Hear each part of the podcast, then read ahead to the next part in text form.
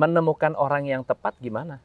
Ya, Elsa. dengan eh, ini coach, kalau Elsa sih karena niat awalnya itu bukan sekedar untuk bisnis untuk diri sendiri coach. Mm-mm. Jadi kita sama suami itu bareng-bareng kita mau bisnis yang bisa bermanfaat bagi orang banyak. Apa sih yang bisa kita lakukan?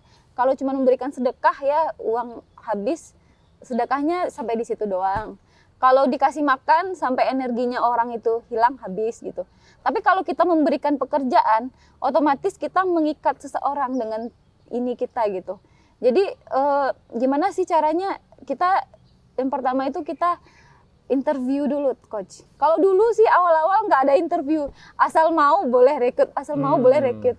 Tapi di perjalanan terasa sih habis eh, ini energi gue habis loh buat satu orang gitu coach. Hmm. Ada tuh satu orang penjahit, skillnya bagus, skillnya bagus, eh, ininya siap bu, oke bu, oke bu. Tapi di lapangan jahitannya nanti telat gitu, jahitannya rapi coach. Tapi eh, siapnya dibilang hari ini, besok besok lagi, sampai mesin jahit yang kita kasih, karena kita kan konsepnya pemberdayaan nih coach. Jadi penjahit itu ada yang nggak punya mesin, kita pinjemin mesin. Ada yang nggak punya mesin, dia mau beli mesin dengan cara nyicil ke kita, tapi itu nggak eh, ini kita beliin mesin, tapi dia nyicil ke kita gitu. A- Ada tuh yang kita pinjam karena dia nggak sanggup, dia nggak punya mesin, dia nggak sanggup nyicil. Ah mesin yang kita pinjemin itu digadainnya ke orang lain. Aduh. Jadi akhirnya dengan kesalahannya yang sudah bertubi-tubi, akhirnya kita putus kontrak gitu. Oke. Jadi Akhirnya uh, uh, udahan ya diputusin ya. udah diputusin, tapi ada aja ter- terus dalam perjalanannya sampai sekarang dari 40 penjahit ada satu dua nanti masalah, nanti dikeluarin, nanti ada lagi yang ini. Tapi eh, setidaknya ketika kita memutuskan kontrak mitra dengan dia, energi kita nggak habis.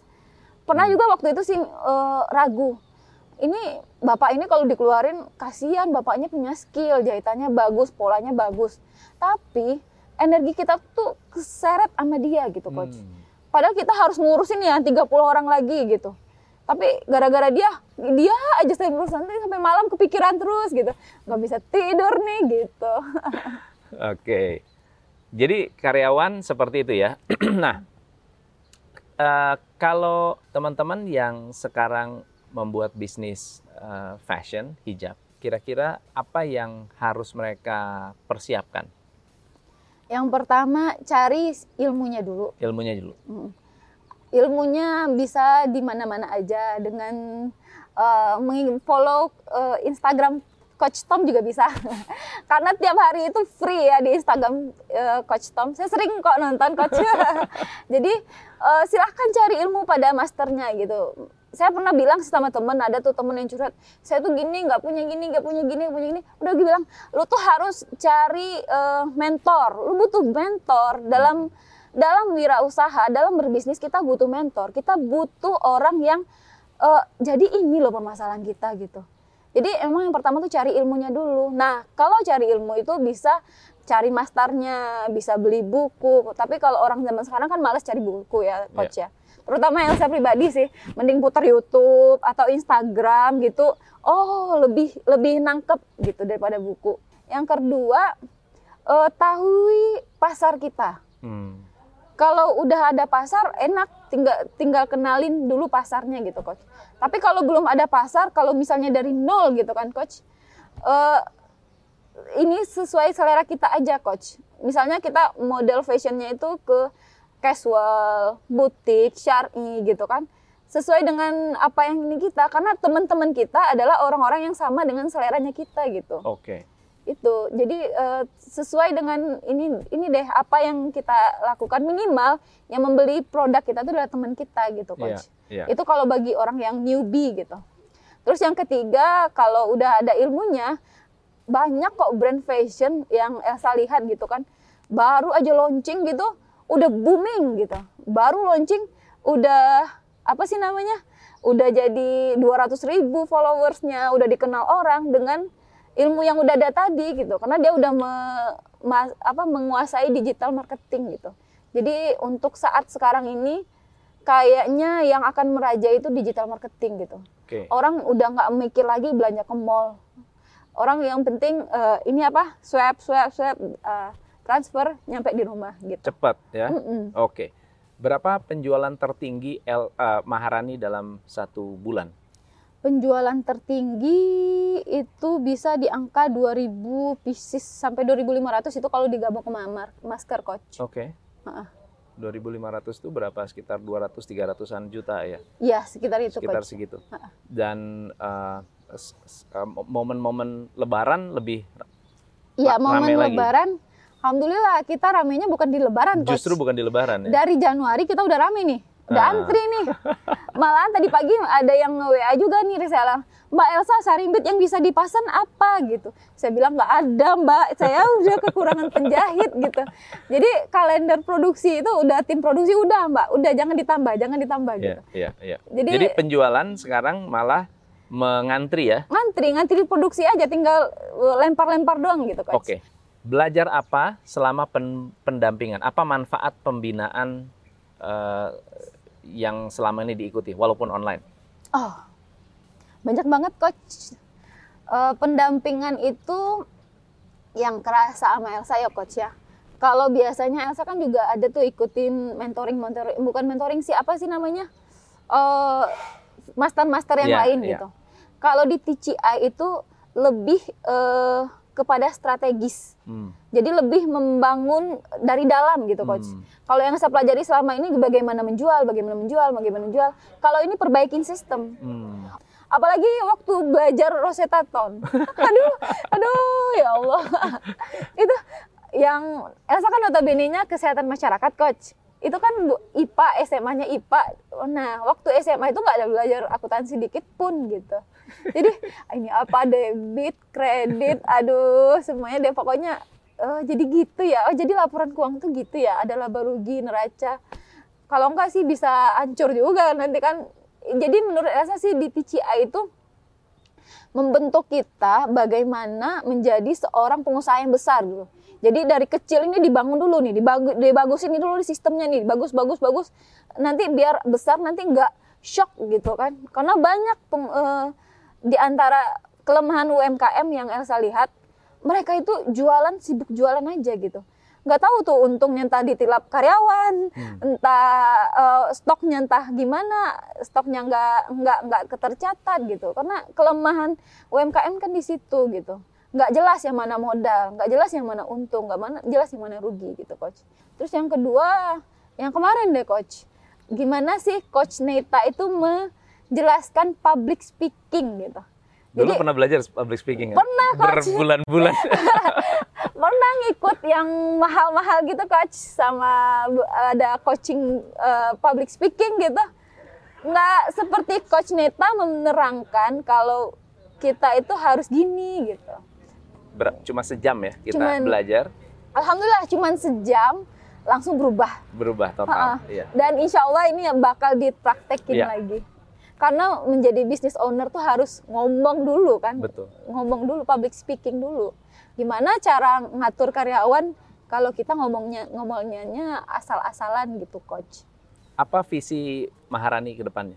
Eh, Maharani visinya ke depan menjadi brand fashion eh, nomor satu di dalam dan luar negeri coach nah ini visinya yang kedua adalah kita ingin agar menjadi lebih bermanfaat lagi oh, bagi orang banyak karena eh, Maharani ini unik coach kalau di Maharani itu produksinya sistem kampung jahit Ya.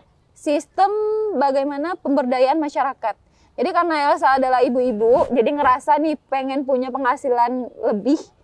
Gimana caranya? Tapi nggak meninggalkan rumah gitu. Iya. Jadi kita bikinlah Kampung Jahit Maharani. Jadi ibu-ibunya datang ke tempat kita, itu nanti bawa jahitan, bawa jahitan, terus di kita kasih semuanya alat-alatnya, eh, kayaknya udah di, kita potong gitu. Nanti mereka jahit aja di rumah. Nanti minggu satu selang satu minggu limitnya harus diantar lagi. Nanti masuk quality, nah baru ibunya dibayar gitu. Jadi kita sih e, menciptakan pekerjaan yang ramah wan- e, wanita gitu. Jadi wanita bisa bekerja dari rumah. Jadi e, mimpi kita sih bisa membuat kampung jahit nggak di Sumatera Barat aja gitu coach, Iya. tapi di beberapa kota karena ini adalah pemberdayaan lingkungan, pemberdayaan masyarakat gitu coach. Seperti Ada nggak ada nggak eh, penjahit ada nggak ibu-ibu yang nggak bisa jahit sekarang jadi jago jahit? banyak, Banyak. Ah, ah. ada, Ada tuh, nggak ada ada, nggak cerita yang menginspirasi atau yang menyentuh hati? ada, ada videonya Elsa? juga coach. Oh ya. Ah, ah. Oh nanti bisa kita tunjukin. Iya boleh coach, Nanti saya kasih. Jadi ada ibu-ibu umur 50 tahun. Waktu itu eh, dia karena lihat tetangganya nih, si ibunya eh, ya karena ibunya itu gigih juga, ibunya gigih. Oh ya udah bu, eh, coba dulu satu. Ternyata pas dipulangnya hancur, Hancur. coach. Tapi ibunya semangat 45 sampai eh, eh, astagfirullah pernah juga waktu itu sampai ny- ibunya datang ya satu ngin- ya ini apa sembunyi di belakang pintu bilang sama karyawan bilang ya saya nggak ada.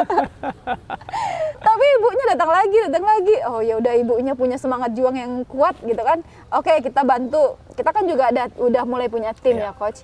Dijelasin sama adik-adik yang bagian tata busana, bagian produksi. Teknik jahitnya gini. Ini ini ini. Ah, terus kita eh, latih ibunya, terus ibunya juga semangat nyari eh, teman-temannya yang sebelah-sebelah Iya. rumah. Kan masih saudara-saudaraan dia juga. Ditanya sama teman-temannya, ini gimana caranya? Ini gimana? Akhirnya sekarang masya Allah ibu itu bisa mengumpulkan uh, uang 4 juta rupiah untuk bayar UKT anaknya coach jadi di, di videoin tuh waktu itu terima kasih Maharani saya bisa mengumpulkan uang buat bayar UKT anak saya Wow. sampai kayak gitu saya Wow. ibu ini menginspirasi sekali saya bilang Keren keren keren. Terus itu ibu yang pertama, ada juga yang ibu yang kedua. Nah, ibu yang kedua ini eh, masih baru sih usianya sekitar 27 tahun. Nah, dia nih eh, dulu pekerja gitu. Cuman karena udah punya nikah, punya anak, nggak bisa kerja lagi katanya. Dia datang ke tempat kita nih. Dia mau jahit, punya mesin jahit itu coach punya mesin jahit neneknya. mesin jahit Udah dua neneknya. generasi ya, tiga generasi. Jadi katanya neneknya dulu jahit pakai itu, terus mamanya bisa ngejahit lurus-lurus, dianya mau belajar jahit. Ya udah, kita kalau ada orang yang punya semangat juang kita terima, coach. Terus kita latih, kita bina, terus dianya juga semangat nanya ini gimana caranya, ini gimana caranya gitu ya, coach. Dia dia datang itu ini gimana caranya? Sering kadang-kadang kasihan juga yang paling kasihan tuh tim Elsa sih coach. Kadang jam malam 10 malam masih ditelepon kak katanya. Jam 10 malam nggak tahu jam malam. Ini Tia ini eh, eh, Vina Tia ini em, kancingnya tinggal benangnya tinggal. Ini gimana nih? Ukurannya nggak sama gitu cuman ya alhamdulillah. Dia dari yang nggak bisa apa-apa. Kalau ibu yang pertama pernah kan eh, dia waktu masih gadis katanya belajar jahit. Yang ini dia eh, engkol mesin Kayak aja nggak ya, bisa. Engkol kaki mesin aja nggak bisa. Jadi belajar dulu ngengkol-ngengkol kaki gitu. Eh, sebelum pakai dinamo. Kalau dinamo Sebelum kan mesin. Ah, kalau dinamo itu kan feeling ya, lebih cepat ya. lebih cepat lagi. Jadi ajarin dulu gini-gini mesin gitu. Udah lurus ah baru pakai eh, dinamo dinamonya itu kita kasih coach. Kita beliin gitu. Terus eh, akhirnya awalnya dia jahit masker dulu. Kebetulan pandemi gitu kan. Jadi dia kita arahin jahit masker. Nah dari jahit masker ini katanya inspiratif juga sih coach. Dia ngumpulin upah jahit masker yang tidak seberapa itu sampai jutaan dibelinya buat tembok bang rumah coach. Wow. jadi saya eh, bagi Elsa sih itu sumber kekuatan utama bagal yang membuat eh, tetap bertahan di Maharani ini gitu. Keren, keren. Karena eh, di di belakang kita tuh banyak orang-orang yang butuh sekali dengan eh, ini ini kita apa sih? Kalau kita sendiri kan nggak nggak nggak kayak gitu kali gitu ya Iya, coach. iya. Tapi orang ini eh, butuh bantuan kita sangat gitu, sangat Benar. membutuhkan bantuan kita gimana bisa dikelola, mengelola, bagaimana mengelola mereka gitu ya coach. Terus dibilangnya "Eh, kak eh, namanya kebetulan namanya Devi, kak Devi ini ya eh, nggak ambil-ambil gaji lagi katanya. Oh iya kenapa? Buat beli tembok rumah kak katanya. Wah. Kemarin itu sekitar berapa juta kekumpul sama dia. Keren, keren, keren. Dia mau bangun rumah katanya. Masya Allah. Keren, keren, Dari keren. jahit masker bisa bangun rumah. Nah sekarang masker kan udah nggak begitu laku ya Iya. coach karena pandemi. Belajar jahit baju anak-anak dia kemarin. Sampai jahit baju dewasa udah bisa sekarang. Jadi nggak ada ternyata yang nggak bisa itu. Nggak ada yang nggak bisa. Hanya kita yang nggak mau melatih dan tidak mau belajar aja. Keren, keren.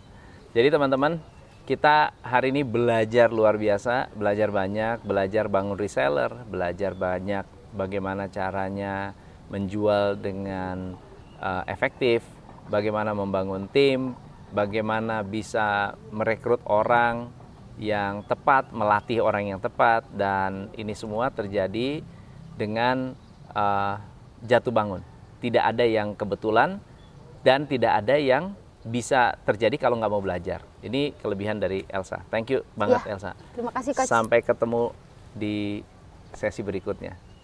Teman-teman, jangan lupa like and subscribe. Lalu kemudian follow Maharani. Double R ya, Maharani. Nah, double Dot R ya. official. Kalau di YouTube, eh, di apa namanya Facebook, El, eh, Elsa Mahar Rani. Rani. Ya. Kalau mau jadi reseller, telepon ke mana? Oh iya, ada Atau, di eh, IG. I, ah, ah iya, silakan ke IG, IG langsung. Follow dulu IG-nya. ya, siap, siap. Oke, okay. thank you teman-teman. Saya Tom MC Play, salam pencerahan. Hanya di Top Coach Indonesia.